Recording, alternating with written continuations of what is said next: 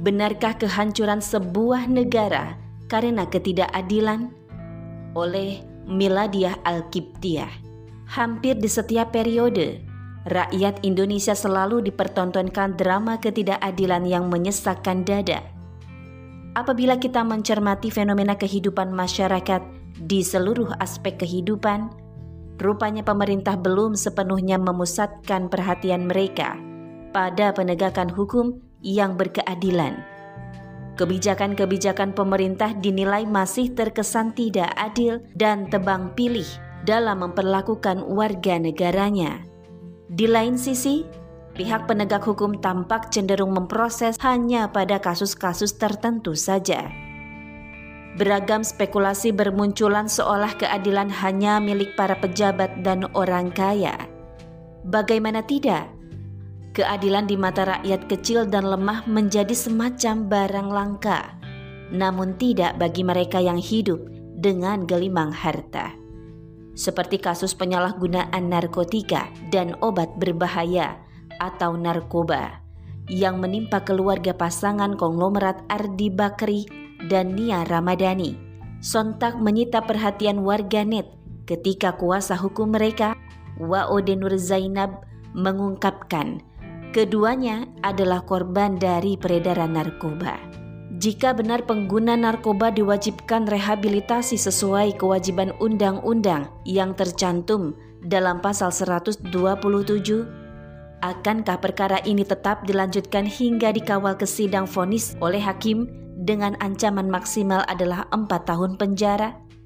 Ataukah lagi-lagi negara demokrasi tetap pada pendirian hukum, yakni tumpul ke atas dan tajam ke bawah. Fenomena keadilan di negeri ini seperti sebuah makanan prasmanan. Rezim yang berkuasa dengan mudah memilah dan memilih kasus-kasus mana saja yang akan segera diberi tindakan hukum. Sederhananya, mereka yang pro dengan rezim akan mendapat keadilan, sedangkan yang kontra atau berseberangan dengan rezim tanpa pikir panjang langsung dijerat hukuman. Disadari atau tidak, ketidakadilan rezim yang berkuasa saat ini hampir menyentuh semua sisi, bahkan tidak segan mengeluarkan kebijakan yang berdampak pada turunnya daya kritis masyarakat, seperti ujaran kebencian yang dinilai multitafsir sehingga membungkam suara kebenaran dan aspirasi rakyat. Tarik ulur pemberantasan gurita korupsi di kalangan para pejabat negara cenderung dinilai oleh masyarakat belum tuntas menyelesaikan akar masalah korupsi. Bahkan di antara pejabat negara, ada yang masih bebas melenggang dari jerat hukuman, padahal mereka telah melahap miliaran hingga triliunan uang negara. Jelaslah, ketidakadilan seolah adalah milik mereka yang kuat dan yang memiliki otoritas dari sisi apa pun. Di ranah sosial, Seringkali bahkan masih terjadi disparitas terkait dengan keseriusan pemerintah dalam memberi pelayanan vital terhadap rakyat. Di tengah ketidakadilan dalam penyediaan lapangan kerja dan usaha, pemerintah justru membuka pintu masuknya para tenaga kerja asing. Alih-alih memenuhi kebutuhan vital masyarakat, rakyat kecil justru diperlakukan tidak adil hanya dengan mencuri barang tak seberapa karena lapar. Tanpa belas kasih, mereka pun dijerat hukuman beberapa bulan. Di ranah ideologi dan politik, proyek deradikalisasi yang mengarah pada konflik di tengah masyarakat terkesan sangat mendiskreditkan umat Islam. Pemerintah memandang bahwa ide Islam politik amat berbahaya serta menimbulkan rasa saling curiga di antara umat Islam. Oleh karena itu, pemahaman Islam terkait jihad dan khilafah dihapuskan sebab dinilai mengancam eksistensi negara kesatuan Republik Indonesia. Alhasil, berujung pada tindakan persekusi dan kriminalisasi terhadap ulama, aktivis dakwah, serta ajaran Islam. Sungguh miris, mereka yang pro-rezim dibiarkan aman tak tersentuh hukum padahal mereka berkali-kali melakukan tindakan kriminal seperti merampok uang negara, menjual aset negara, menghina ajaran dan simbol Islam, mempersekusi ulama dan aktivis dakwah, dan sebagainya. Bahkan hanya dengan ungkapan permintaan maaf, mereka bisa bebas dari jerat hukum. Lalu di mana letak keadilan demokrasi? Seberapa bahayakah umat Islam jika dibandingkan para koruptor atau kelompok yang menyulut api disintegrasi seperti yang terjadi di wilayah Papua? Apakah keadilan hanya memihak yang punya tahta dan harta? Sungguh pengadilan dunia adalah pengadilan semu. Mereka lupa bahwa ketidakadilan hukum yang mereka lakukan di dunia akan menyeret pertanggungjawaban mereka kelak di hadapan Sang Penguasa alam semesta. Mereka yang telah mempermainkan rakyat, mengabaikan hak-hak rakyat, hingga memenjarakan orang-orang yang tidak bersalah, sampai membuat mereka mati atau terbunuh mereka tidak akan pernah bisa melepaskan diri dari hukuman Allah Subhanahu wa taala di pengadilan akhirat.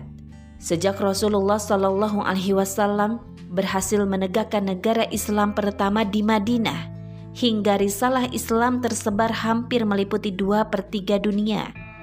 Sejak saat itu, kepemimpinan Rasulullah Muhammad Sallallahu Alaihi Wasallam menjadi kiblat negara-negara di dunia di mata dunia, Rasulullah Shallallahu Alaihi Wasallam adalah sosok pemimpin besar umat manusia dan namanya telah terukir dalam sebuah buku berjudul The Hundred Ranking of the Most Influential Person in History karya Michael H. Hart. Dalam buku tersebut membahas 100 orang yang dianggap sebagai orang yang paling berpengaruh sepanjang sejarah umat manusia. Maha Kuasa Allah yang memberikan wahyu Al-Quran sebagai petunjuk kepada Rasulullah Wasallam dalam memimpin sebuah negara dan mampu menegakkan keadilan secara merata. Dalam kepemimpinannya, Rasulullah memberikan keadilan semata-mata karena penerapan hukum Islam di dalam kehidupan. Maka, sebuah kesalahan besar terhadap seorang pemimpin bila memaknai keadilan berdasarkan sudut pandang ideologi kapitalisme sekuler. Sebab ideologi ini telah nyata memberi ruang yang sama bagi setiap orang untuk melakukan hal-hal yang merendahkan derajat manusia, seperti berzina, menjadi pelaku LGBT, menghina agama, dan berbagai perilaku yang menyimpang dari ajaran Islam. Perilaku adil mutlak harus sesuai dengan sudut pandang Allah Subhanahu wa taala yang Dia tetapkan di dalam syariat Islam. Makna adil di dalam Islam adalah lawan kata dari zalim. Imam Ibnu Al-Qayyim Al-Jauziyah dalam kitabnya Syifa Al-Alil menjelaskan bahwa makna adil adalah meletakkan sesuatu pada posisinya dan menempatkan sesuatu itu pada tempat selayaknya.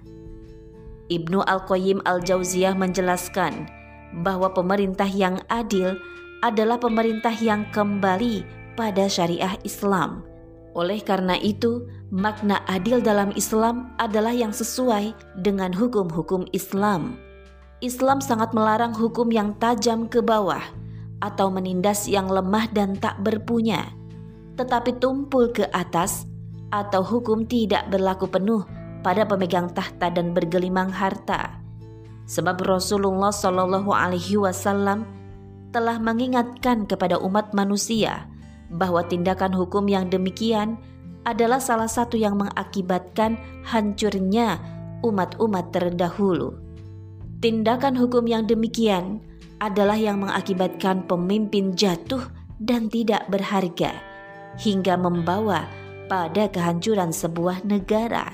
Allah Subhanahu wa taala berfirman dalam surah An-Nisa ayat 135.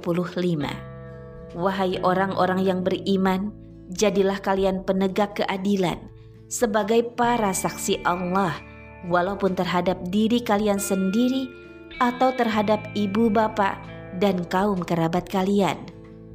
Dalam konteks penegakan hukum, keadilan dimaknai sebagai sikap tegas seorang pemimpin dalam memutuskan perkara yang terjadi di antara umat manusia.